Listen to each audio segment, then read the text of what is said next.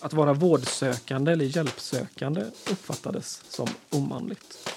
Och att kunna sätta ord på och beskriva de problemen man har uppfattades också som omanligt. Så att, att söka vård för sin sexuella hälsa handlade på något sätt om att göra tre saker som är potentiellt normbrytande när det handlar om maskulinitet. Eller som en deltagare uttryckte det, att det här är en plats där maskulinitet blir något svårt. Sex på arbetstid. Sex på arbetstid. Sex på arbetstid. En podd om SRHR för dig som jobbar inom vården.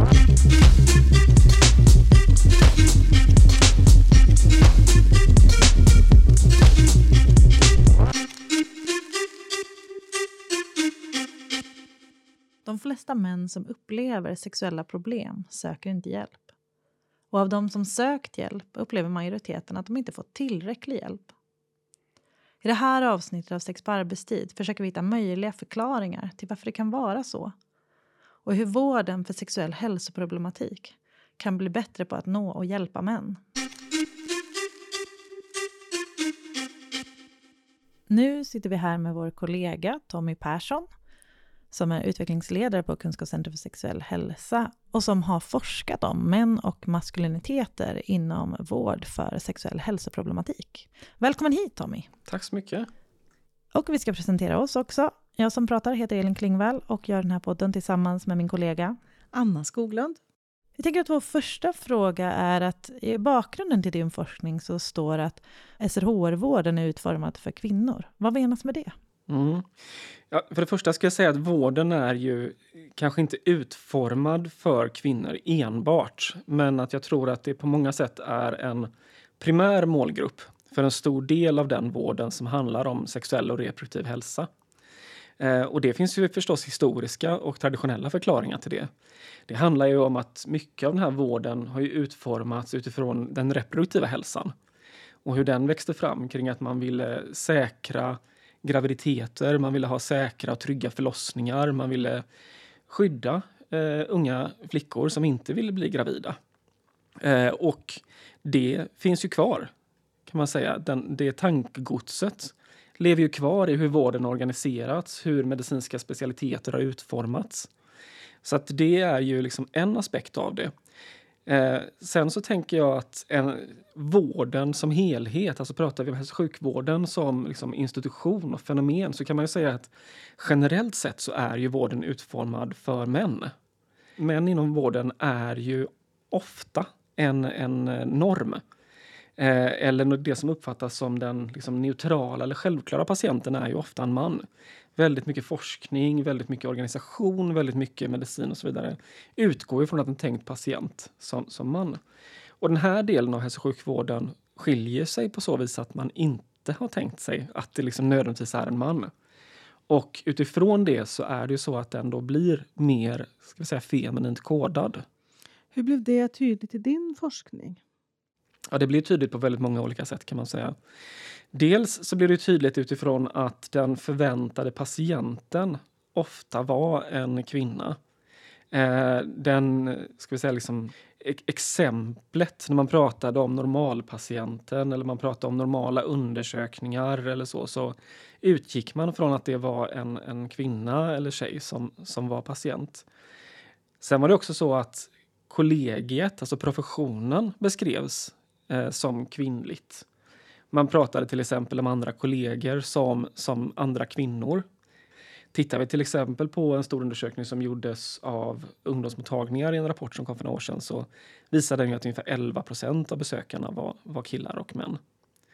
Så att rent krast så är det ju så att en stor del av den här vården är utformad för och riktar sig i första hand till kvinnor. Men vad, vad vet vi då om mäns sexuella hälsa idag? Ja, vad vet vi? Eh, vi? Man kan väl säga så här att vi vet vad vi inte vet i ganska stor utsträckning. Det gjordes en eh, stor rapport från WHO för ett tag sedan och det var en av deras liksom, nyckelslutsatser var att vi vet alldeles för lite om mäns sexuella hälsa. När det handlar om vårdsökandet så såg man ju den här stora undersökningen som Folkhälsomyndigheten gjorde att eh, bara 30 13 procent av de som uppgav sig ha ett problem med sin sexualitet eller sin sexuella hälsa hade valt att söka vård. Och utav de som hade valt att söka vård så uppgav 65 procent att man antingen bara delvis hade fått hjälp eller inte hjälp alls av vården. Och då landar vi alltså på att färre än 5 procent av de som upplever problem har fått hjälp av hälso och sjukvården. Varför tror du att det ser ut så här? Att män söker då i mindre utsträckning och också upplever att man inte har fått den hjälp man har eh, Mm. behövt? Ja, jag tänker att det är egentligen två, två olika delar. Varför söker män mindre vård? Det finns ju en massa olika liksom förklaringsmodeller kring varför det kan se ut på det sättet. Man har pratat om det både i termer av säga, internaliserade barriärer hos män själva. Man har också pratat om det utifrån barriärer som finns i hälso och sjukvården. Ehm, dels så är ju vårdutbudet mer begränsat, speciellt för vuxna män. Det finns färre mottagningar att vända sig till som är specialiserade på mäns sexuella hälsa. Men ska vi stanna kvar där lite? Vilka mottagningar har vi? Var ska man söka sig samman om man upplever ett sexuellt problem? Ja, men I första hand så är det vårdcentralen. Det är ju det som är tanken. Eh, primärvården, första linjens sjukvård är det som ska ta hand om män och mäns sexualitet. Om man då är över 25 eh, och inte kan vända sig till en ungdomsmottagning. Ja, eller om man inte bor på en plats där det finns en mottagning för unga män. Och där kan man ju söka tills man är upp till 30. Men annars så finns det ju betydligt färre utbud. Eh, det finns ju inte motsvarande barnmorskemottagningar eller gynekologimottagningar eller den typen av verksamheter som ju ändå där det finns en möjlighet att prata om sexuell hälsa på ett helt annat sätt. Men när man tittar på vårdcentraler så, så har det ju gjorts undersökningar där också och personal som jobbar inom primärvården upplever ju att mäns sexuell hälsa ligger i så att säga, allas intresse att arbeta med det. Men att det är ingen som känner att det är eh, ens egentliga uppdrag. Man upplever att man saknar mandat för att jobba med de frågorna. Och det gör ju att de här frågorna faller mellan stolarna många gånger. På samma sätt så har man ju tittat på när det handlar om vårdpersonal så, så svarar man att när, när det gäller mäns sexuella hälsa så vill man att det är män själva som lyfter frågorna. Medan män upplever att man vill få en direkt fråga från vårdpersonal för att kunna prata om det. Och då blir det ju liksom en tystnadskultur där båda sitter och väntar på att den andra ska ställa frågan. Så det är förstås också en förklaringsmodell. Sen finns det ju också dimensioner av det här som handlar om hälsolitteracitet. Vad betyder det? Ja, men det betyder ju egentligen att man har en förståelse för eh, vårdsystemet. Att man har liksom en förståelse för vilken typ av vård som finns, hur jag ska gå tillväga för att söka den, vad jag behöver säga i samband med att jag söker vård för att få den vård jag behöver. Men det handlar också om att kunna liksom förstå och tolka de eventuella symptom man har och liksom göra kopplingen till att oj, oj, det här är kanske någonting som jag ska söka vård för. Och det är ju ingenting som vi bara föds med, utan det är ju också någonting som man har lärt sig och tränats till. Vet man någonting generellt om mäns förmåga att faktiskt göra de här tolkningarna eller att ha den här kunskapen vart man ska söka? Det är ju lite underforskat. Det finns ju liksom många som har spekulerat kring att det kan, att det kan finnas en, en könad dimension i det här. Samtidigt så vet vi ju att verksamheter som aktivt riktar sig mot män, till exempel Sexualmedicinskt centrum, har ju alltså 50-50 i någon slags könsuppdelning, binär könsuppdelning bland, bland patienter. Och jag tänker också att SRHR-bussen, de berättar ju att väldigt många av dem som liksom är patienter som bara kommer gående är män. Så att det är på något sätt som att när man upplever att vården finns där så går man. Så att det är ju svårt att säga vad är det det här beror på. Men en förklaringsmodell som, som väldigt ofta används är ju maskulinitet. Det vill säga att man förklarar det med att det här är någonting som finns hos män själva, en, en inre barriär på något sätt. Din forskning handlar ju om män och maskulinitet och sexuell hälsa. Men ska vi stanna kring och prata kring vad är egentligen maskulinitet? Ja, man kan väl se det på, på lite olika sätt. Dels så kan man ju prata om maskulinitet som någonting vi gör. Ehm, och man kan väl säga att allting som en person gör för att kunna passera som biologisk man kan man beskriva som maskulinitet. Alltså allt ifrån hur vi pratar till hur vi står, till hur man klipper håret, till vilka kläder man har eller hur mycket plats jag tar eller mitt röstläge eller hur jag interagerar med andra människor och så vidare. Allt det kan man ju beskriva som maskulinitet. Men man kan också prata om maskulinitet som ett slags samhällsfenomen. Där maskuliniteten mer är en, en struktur, eh, en, en maktojämlikhet som utgår ifrån eh, könsnormer helt enkelt. Sen tänker jag också att det är viktigt att poängtera att det finns ju inte bara en maskulinitet utan det finns ju förstås flera olika maskuliniteter. Ibland så brukar man prata om något som kallas för hegemonisk maskulinitet. Alltså en slags dominant maskulinitet, ett ideal som eh, uppfattas vara liksom det eftersträvansvärda sättet att vara maskulin i ett samhälle. Och det här skiljer sig också liksom socialt och kulturellt och historiskt och så. Och i relation till det så pratar man ibland också om en eh, underordnad maskulinitet som den här dominanta maskuliniteten på något sätt definieras mot. Och sen ibland så pratar man om någon slags liksom majoritetsmaskulinitet, det vill säga alla de som liksom inte lever upp till idealen men som ändå på något sätt är med och stödjer och lyfter upp det här. Och sen finns det också marginaliserade maskuliniteter, de som man väldigt sällan eh, ser. Personer som kanske har egenskaper som gör att de inte kan uppfylla de här dominanta idealen. Och alla de här olika maskuliniteterna samexisterar ju. Så att ibland så det, kan det vara lätt att liksom prata om maskulinitet lite schablonartat som en sak, men det är ju någonting ganska liksom komplext och eh, kan vara olika saker helt enkelt. Du har ju intervjuat hälso och sjukvårdspersonal Mm. som jobbar inom SRHR eller framförallt inom sexuell hälsa-området. Och där du ju har ställt frågan kring hur de ser på maskulinitet och hur de beskriver maskulinitet. Mm. Skulle du säga att de har den här komplexa bilden kring maskulinitet som du beskriver? Nej, det skulle jag inte säga. Eh, och det är väl liksom lite forskningsnördigt att ha den komplexa bilden, så det är ju ingenting som är förväntat heller. Men någonting som var ganska spännande var ju att när jag ställde frågan, så här liksom att, ja, men utifrån din professionella roll, vad, hur tänker du på maskulinitet? Vad, är, vad är, betyder maskulinitet? Vad är det för någonting? Så, så hade deltagarna väldigt svårt att komma med ett svar. Att man uppfattade maskulinitet som någonting undflyende, som någonting som liksom svårgreppbart sådär. Eh, jag fick svar i stil med så här liksom att jag hade du frågat mig för, för 15 år sedan så hade det varit mycket lättare, eller 20 år sedan när jag var barn. Då hade jag en tydlig bild av vad det var för någonting. Men idag så går inte det. Eller så pratar man om att men maskulinitet är så föränderligt så att det går liksom inte att sätta ord på. Eller men maskulinitet är bara ett, ett verb, det är bara liksom ett adjektiv eller sådär. Eh, eller så var det helt enkelt att man bara inte fick tag i det. någon deltagare sa så här, det här är ju jättemärkligt. Alltså, här sitter jag och är 51 år gammal och har ingen aning om vad maskulinitet är. Det är ju superkonstigt. Jag tänker att vi pratar om så mycket olika saker här liksom, i arbetsgruppen och så, men det här tror jag aldrig vi har pratat om. Men kan inte det hänga ihop med att, att personalen är så pass medveten att man inte vill vara så kategorisk? Ja, men det är klart att det kan finnas en sån dimension i det. Att man kanske kände sig liksom rädd för att säga fel sak eller att man upplever att det finns en förväntan på att vara nyanserad eller att liksom, i en ambition att vara inkluderande, att man inte vill liksom verka stereotyp eller så. Samtidigt så frågar jag ju också, har, finns det några exempel på, på manlighet eller maskulinitet? Och då var det väldigt lätt att komma på dem.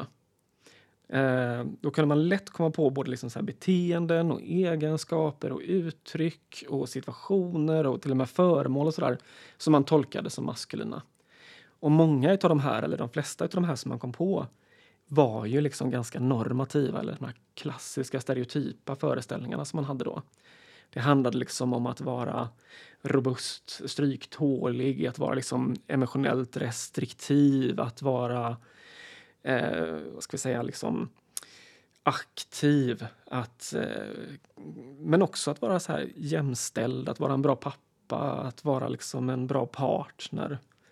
Eh, och på samma sätt så ställde jag ju frågor kring så här, hur finns det liksom exempel på det som ni uppfattar som omanligt eller icke-maskulint eller så. Och det var också lätt att hitta de här exemplen. Och återigen så kan man då se att det var ju ganska liksom lite stereotypa eller normativa exempel som hittades. Det handlar om att, så här, liksom att ja, men en person som har ja, men smink på sig eller för mycket parfym eller som är för mån om sitt yttre eller som är för engagerad i sin partners graviditet eller någon som liksom vill bli omhändertagen eller någon som uppfattas som fjollig eller sådär liksom. Som uppfattas då som omanlig eller icke-maskulin. Så ja, å ena sidan så kan man ju tänka då att det fanns en önskan om att inte vara liksom normativ eller stereotyp utifrån liksom att göra någon slags schablon schablonmässig definition av maskulinitet. Men samtidigt så var det då ganska enkelt att utifrån så att säga, det som jag uppfattar då som ganska normativa antaganden ändå definiera eh, liksom delar av både maskuliniteten och det som kanske bryter mot maskuliniteten. Och vad, vad kan det här få då för konsekvenser för liksom, vården? Ja, Alltså vårdmötet med män det kan ju förstås få en, en rad olika konsekvenser. Eh, man har ju sett tidigare att ett normativt antagande om patienter eh, kan ju riskera att man gör felbedömningar av patienternas behov, deras vårdbehov, deras omsorgsbehov.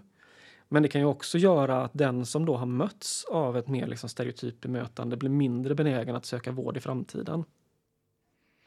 Så vi har en grupp som söker mindre för sexuell hälsa men också riskerar att få ett bemötande som gör att man söker det i ännu mindre utsträckning. Mm. Kan vi förstå det så? Ja, så skulle jag absolut kunna säga.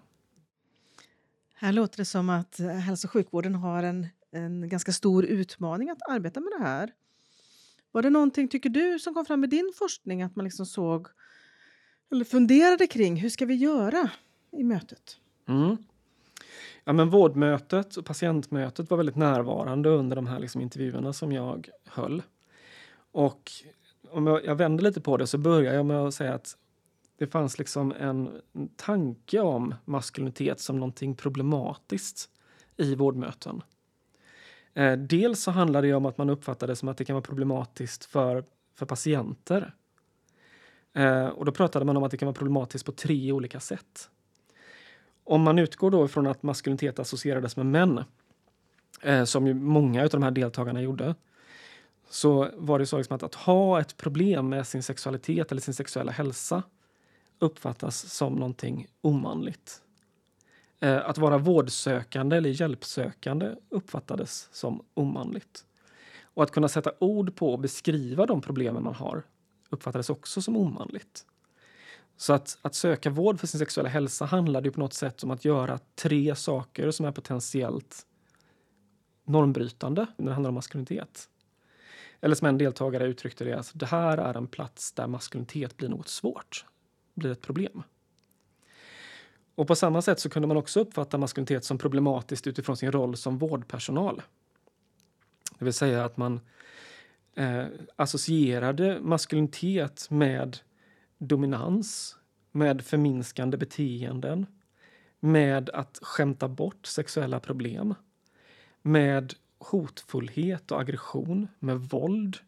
Man associerade det med, eller så här, som en, en deltagare uttryckte det, så här, att möta män innebär också att man möter homofobi och transfobi och att man möter förakt för kvinnor och att man utsätter sig för potentiellt sexualiserade situationer. För det var ju också någonting som man uppfattade som ett problem. Det var ju att man tillskrev situationer med män som patienter en oönskad sexuell laddning. Eh, och att den här laddningen berodde ju framförallt då på olika så här, identitet och uttryck som personalen själva hade. Till exempel att vara i samma ålder som patienten. Eh, att ha kortare yrkeserfarenhet, att ha mindre utbildning. Eh, uppfattades som saker som då kunde liksom förvärra den här sexuella spänningen. Eh, och det var ju någonting som man då försökte arbeta med eller diskuterade hur man ska hantera på ett bra sätt. Hur, hur gjorde man då, tänker jag? Liksom, hur försökte man hantera det? Ja, men en, en sak som återkom också var ju att man, man diskuterade något som man kallade för sin professionella rustning. Att man tänkte att jag, jag tar på mig, när jag går in i ett patientmöte så tar jag liksom på mig en rustning. Och så läcker inte liksom mina åsikter eller värderingar genom den här rustningen. Och likadant så behöver jag inte liksom ta till mig eventuell laddning som finns i rummet. sådana saker. Men sen när man pratade vidare om det här så blev det ganska uppenbart att, att den här rustningen läcker. Både vad man själv tycker och vad som händer i rummet. Men sen så pratades det också om till exempel rent konkreta saker som ja, men hur går den fysiska undersökningen till eftersom den också uppfattades som potentiellt sexuellt laddad. Det handlade också om så här, vilka frågor man ställer eller undviker att ställa och sådär. Och någonting som var väldigt tydligt eh, som återkom flera gånger var ju att personalen beskriver att man saknar utbildning. Men inte bara det, utan att också att man saknar, man saknar liksom de strukturella förutsättningarna för att kunna jobba med mäns sexuella hälsa på ett bra sätt.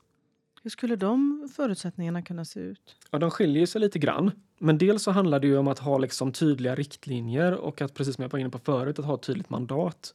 Men det var ju också deltagare som beskrev att ja, men vårt journalsystem tar inte emot liksom, könade personnummer, alltså mäns personnummer.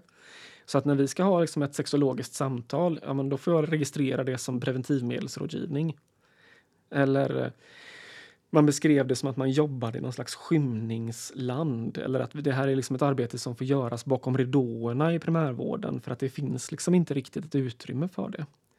Och, och man, man, beskrev också att våra, våra förfrågningar om vidareutbildning, om fortbildning, de nekas. Och de personerna som faktiskt har fortbildning, eh, den undervärderas av ledning och sådana saker. Så rent, rent konkret när det handlar om det strukturella så handlar det ju om att skapa de förutsättningarna. Att se till liksom så har vi ett journalsystem som funkar? Finns det riktlinjer?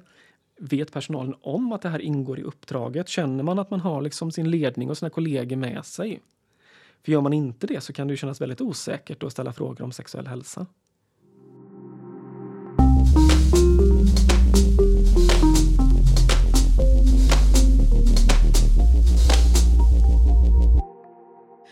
Men du, rent praktiskt, hur har du gjort din forskning? Vilka, vilken typ av mottagningar har du mött?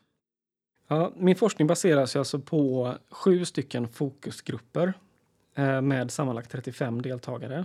Eh, jag har varit ute på sju olika mottagningar. Eh, och de olika typerna av mottagningar som har varit med, det är ju då vårdcentral, det är en venerologisk mottagning, det är ungdomsmottagningar. Det är en mottagning som riktar sig i första hand till män. Eh, och sen är det också den som kallades en sex och samlevnadsmottagning. Eh, och deltagarna valde ju att vara med utifrån att man själv identifierade att man arbetar med mäns sexuella hälsa. Vilka är de vanligaste sökorsakerna bland män när det gäller sexuell hälsa? Ja, alltså Enligt en sammanställning som en europeisk urologisk förening har gjort så är de vanligaste sökorsakerna tidig utlösning, erektionsproblem och hypogonadism. Alltså framförallt då sen hypogonadism och det har ju att göra med att man har låga testosteronvärden. Sen om man tittar på eh, vad är det egentligen som vård för sexuell hälsa för män ska innehålla? Så har man också då specificerat det och det handlar ju om att det handlar om att man behöver ge information och rådgivning och testning kring eh, sexuellt överförda infektioner. Det handlar om prevention eh, av oönskade graviditeter. Det handlar om att få stöd i relation till sexuella relationer. Det handlar om information kring sexuell utveckling. Men också stöd och service kopplat till sexualiserat våld. Så alla de här dimensionerna är viktiga att det finns med när vi pratar om vård kring sexuell hälsoproblematik riktat till män. Men det här som, som man ser att den vården för sexuell hälsa ska innehålla eller bör innehålla för män, är det det som dina informanter också beskriver att så som vården ser ut? Det där är en väldigt spännande fråga faktiskt. Eh, och det som jag tänker på direkt när du säger den är ett citat som jag fick på eh, en intervju och som jag tänker är lite representativt. Och det är en deltagare som säger att alltså de, männen kommer hit och eh, de testar sig och det är inte några problem. Och sen hoppas jag att de inte har några följdfrågor. För då kan jag inte svara på det. Utan då får jag liksom skicka dem någon annanstans. För att den här deltagaren upplevde då att den har liksom inte de kunskaperna eller den, de förutsättningarna för att kunna ge liksom, svar på följdfrågor. Så utifrån det citatet i alla fall så tycker jag att det är ganska tydligt att nej, alla de dimensionerna kanske man inte får. Kunde man resonera kring det? Att det handlade om att man upplevde att man faktiskt inte hade tillräcklig kunskap utifrån att man behövde specifik andrologisk kunskap? Eller handlade det mer om att bara den här generella, vi hör hela tiden i hälso och sjukvården att sexuell hälsa är läskigt och det blir specifikt läskigt när det gäller män för jag, är, jag utgår ifrån att det ska vara en cis-kvinna. Mm. Ja, men det var ju både och i det eh, förstås. Att det var ju personer som beskrev att man då liksom att all utbildning som jag har fått kring mäns sexuella hälsa är liksom en två dagars fortbildningskurs. Och den har inte gett mig tillräckligt för att känna mig trygg i de här vårdmötena. Och att man då kunde mena att men jag saknar ju faktiskt rent medicinska kunskaper för att kunna ge hjälp. Så det var den ena dimensionen av det. Sen tänker jag att den andra dimensionen av det var ju precis det som du pekar på där. Alltså att eh, man upplevde att man har liksom inte referensramarna för att kunna föra det där samtalet. För att den förväntade patienten är någon annan än den jag har framför mig. Eh, som, som, som, eh, en annan deltagare sa liksom så att vi, vi har gjort liksom tusentals cellprover. Det har vi gjort allihopa som jobbar här. Liksom. Eh, och vi är superbekväma med att ta hand om kvinnors sexualitet. Och sen så kommer det en man. Och då förväntas vi att göra vad då? Eh, och det tänker jag också är väldigt talande. Det vill säga att det finns liksom en, en referensram som är väldigt tydlig. Och att för många av mina deltagare så var liksom män och maskulinitet ingick inte i den referensramen. Och ändå har vi en del forskning idag som säger ändå att även män behöver få hjälp med sin sexuella hälsa. Ja, det finns väl ingen forskning som inte säger det skulle jag säga, utan det är väl någonting som det finns ganska tydligt konsensus kring. Mm. Både för mäns egen skull, men också utifrån liksom relationer till andra. Alltså, vi lever ju inte i ett vakuum.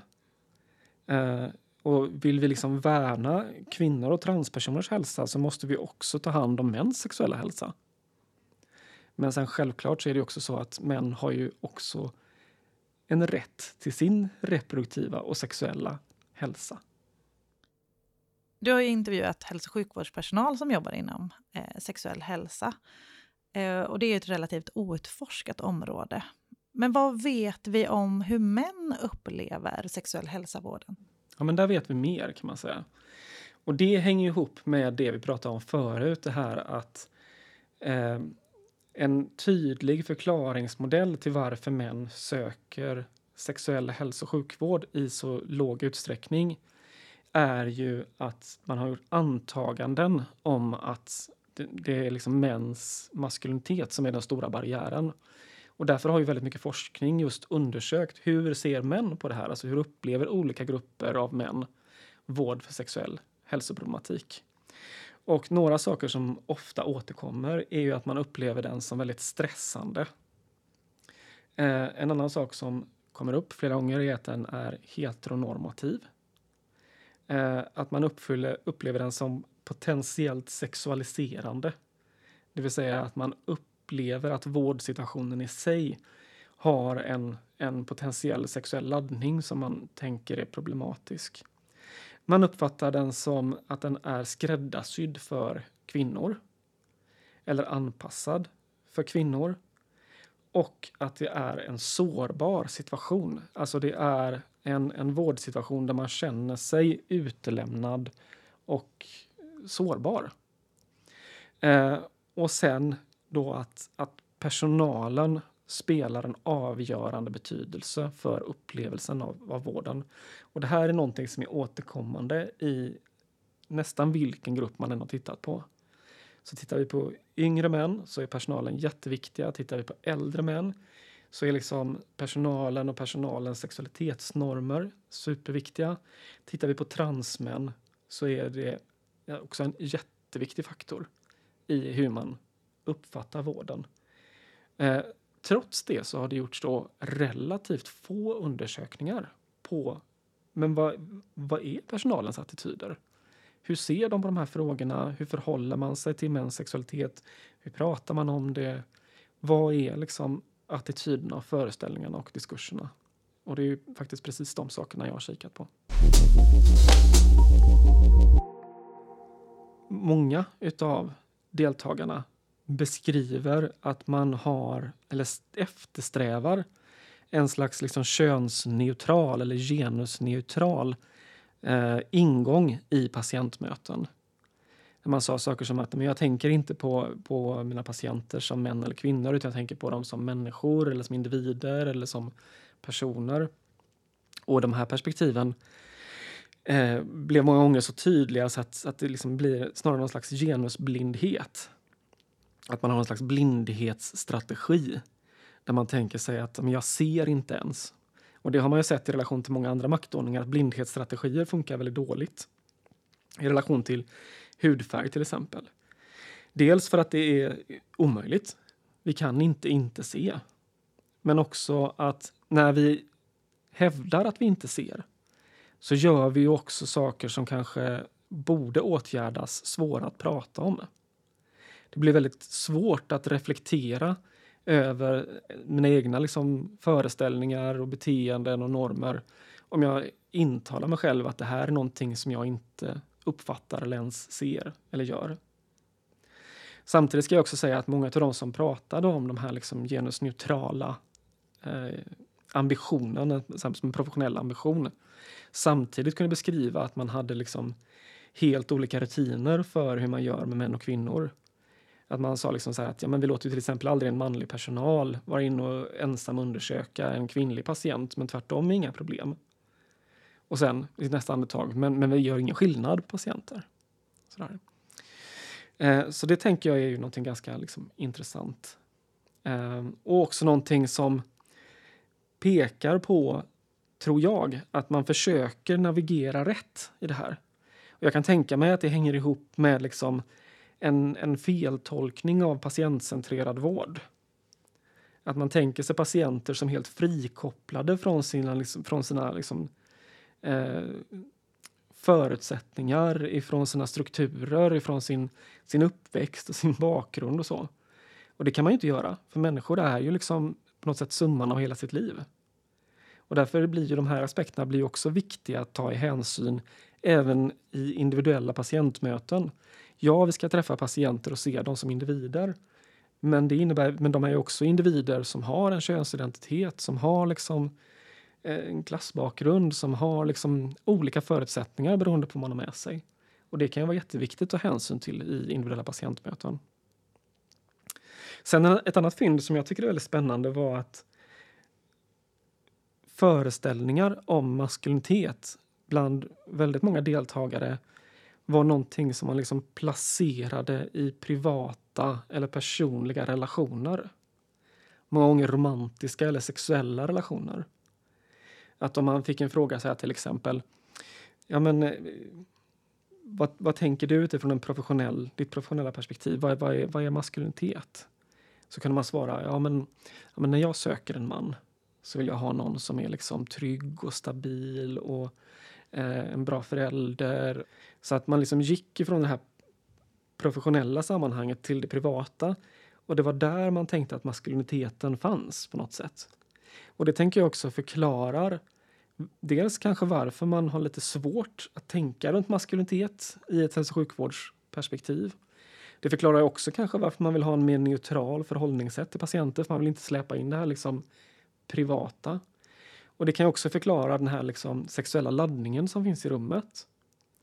För att om jag uppfattar maskulinitet som någonting som finns i privata relationer och så träffar jag någon som jag uppfattar som maskulin, då kanske det lätt uppstår en, en oönskad laddning i en sån situation.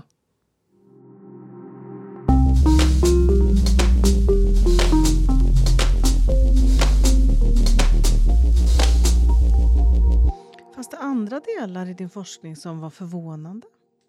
Mm. Ja, men en sak som jag tänker som förvånar mig var ju det här att, att män som eh, patientgrupp konstruerades som en motvillig grupp patienter. Och sen så i det så fanns det också liksom en tanke om att den här gruppen behövdes liksom utbildas och läras upp och tränas i hur de ska ställa frågor och hur de ska kunna prata om sexualitet och sexuell hälsa. Att de liksom var eh, både liksom, ska vi säga, socialt omogna i sammanhanget. Man pratade om männen som att, de, att det fanns liksom ett, ett motstånd i dem mot att överhuvudtaget prata om sexuell hälsa. Eller en ovana kanske snarare. Eh, samtidigt i relation till det så pratar man också om att det, man hade som ett, som ett outtalat uppdrag om att förändra mäns maskulinitet. Både maskulinitet i samhället generellt och då pratar man om det som att ja, men vårt arbete är ju liksom att vi förändrar samhällsmaskuliniteten en patient i taget. Men också att man diskuterade att man ville liksom förändra dem på någon slags individbasis. Uh, och där, det problematiserade man också själva och sa liksom att det är många män som söker hit som, som liksom inte upplever sig ha några problem med maskuliniteten. Och då får man liksom smyga in det där liksom förändringsarbetet genom att försöka få dem att öppna upp och tänka annorlunda eller vidga sitt sätt att se på världen och sådär.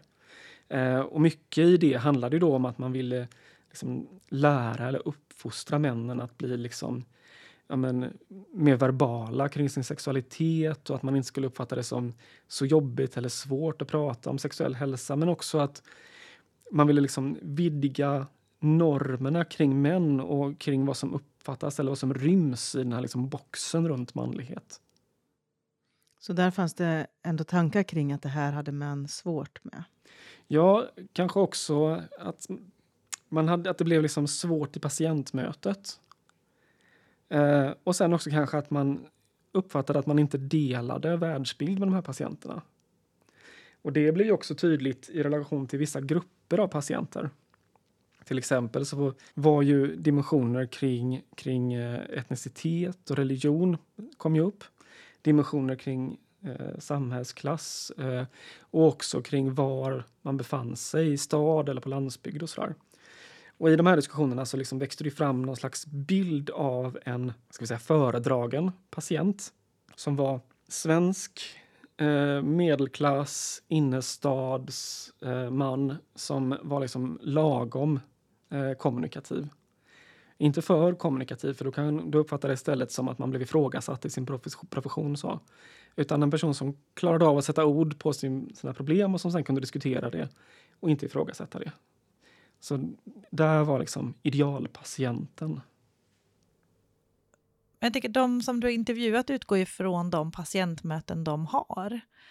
Eh, hur kan man liksom förstå vad som egentligen är ett normativt antagande hos, hos dem, alltså som, hos behandlarna, eller faktiskt mer ett, ett beskrivande av män som grupp? Mm.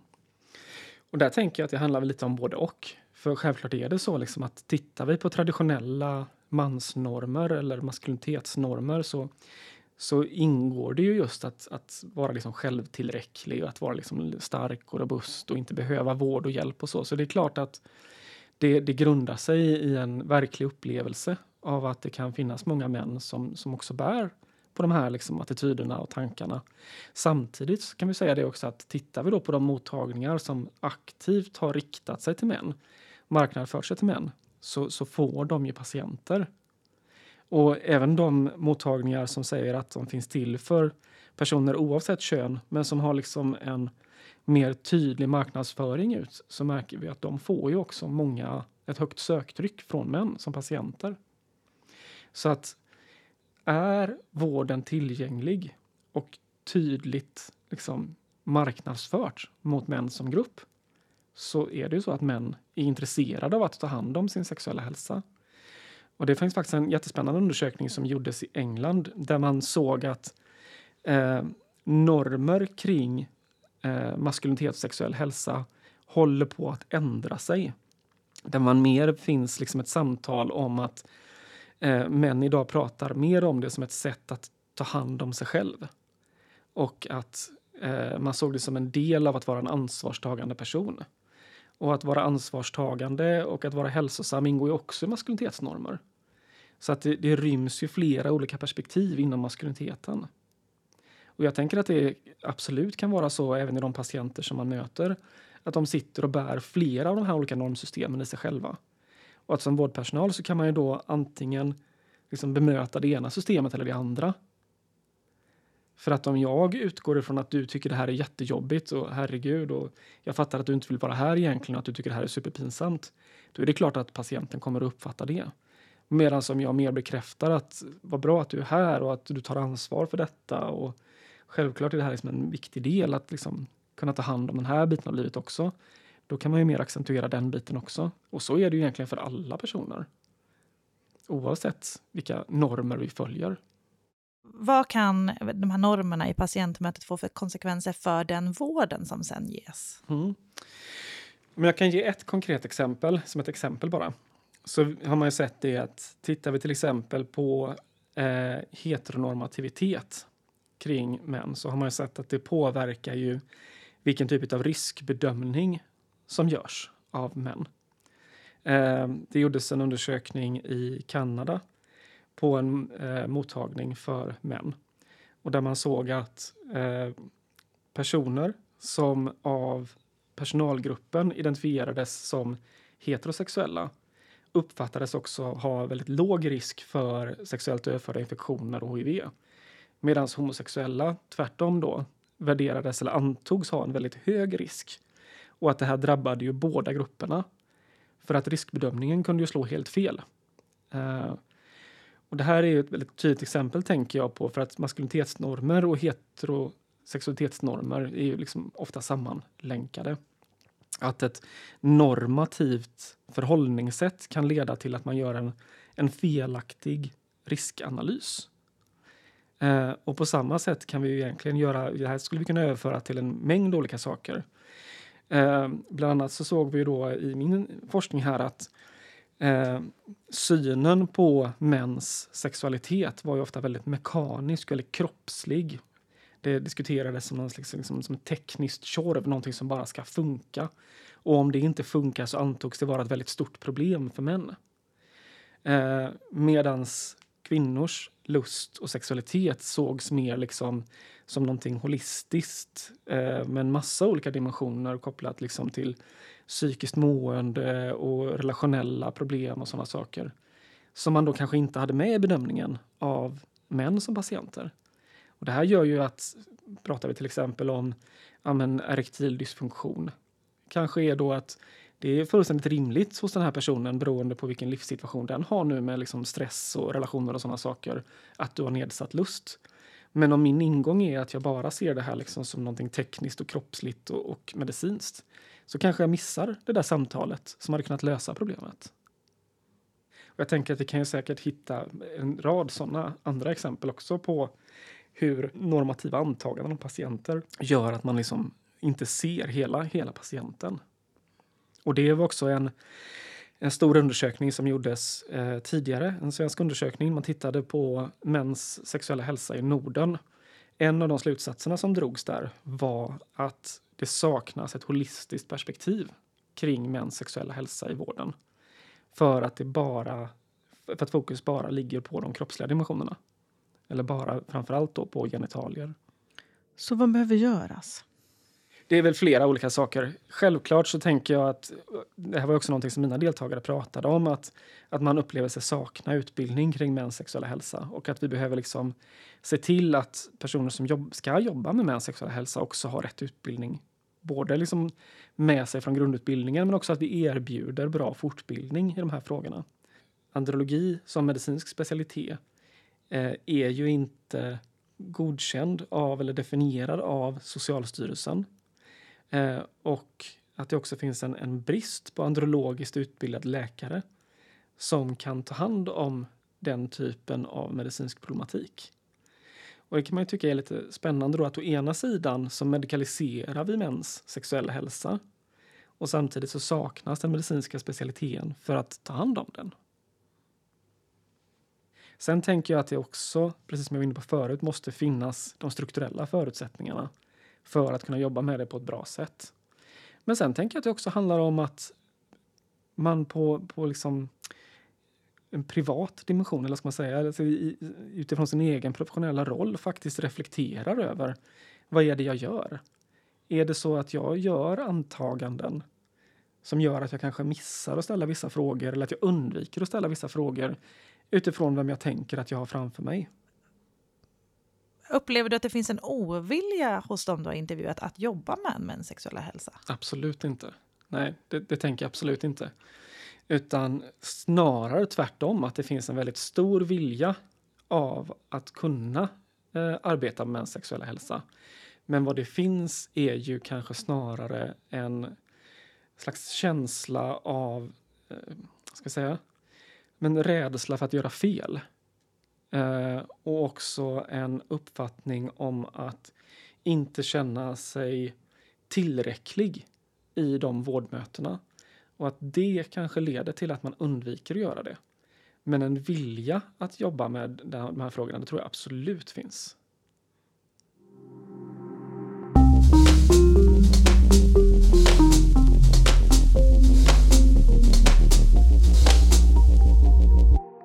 Vi är ju vanligtvis så glada att ha dig som kollega.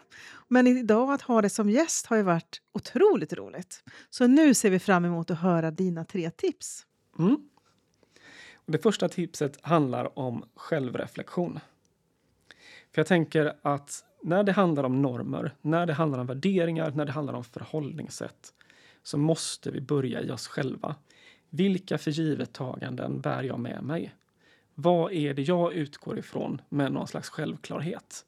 Och där finns ju självklart genus med som en jätteviktig faktor.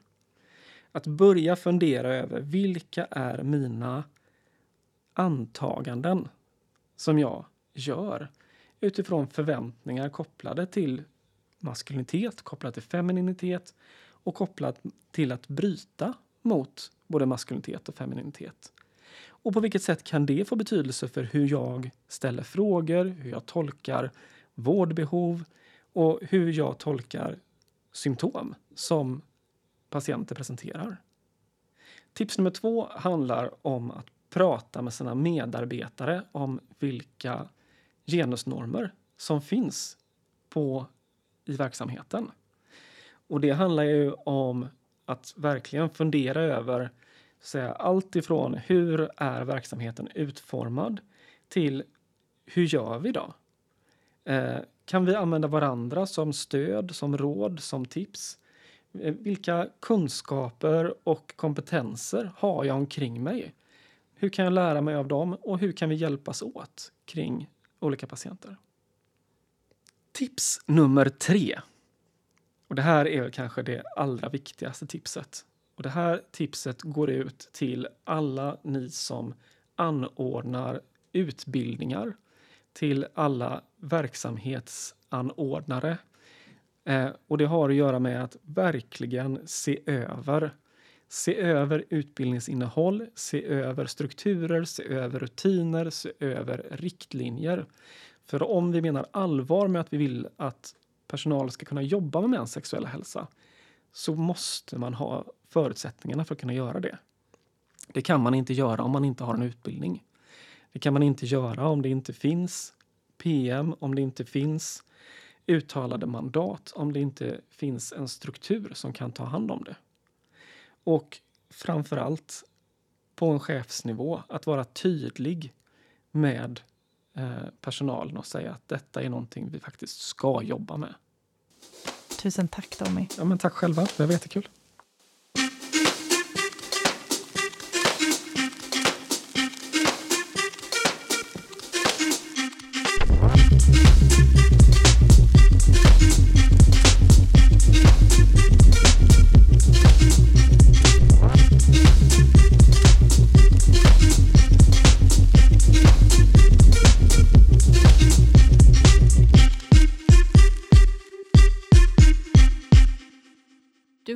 Sex på arbetstid, en podd som görs av Kunskapscentrum för sexuell hälsa, en del av Västra Götalandsregionen. Producent var Elin Klingvall.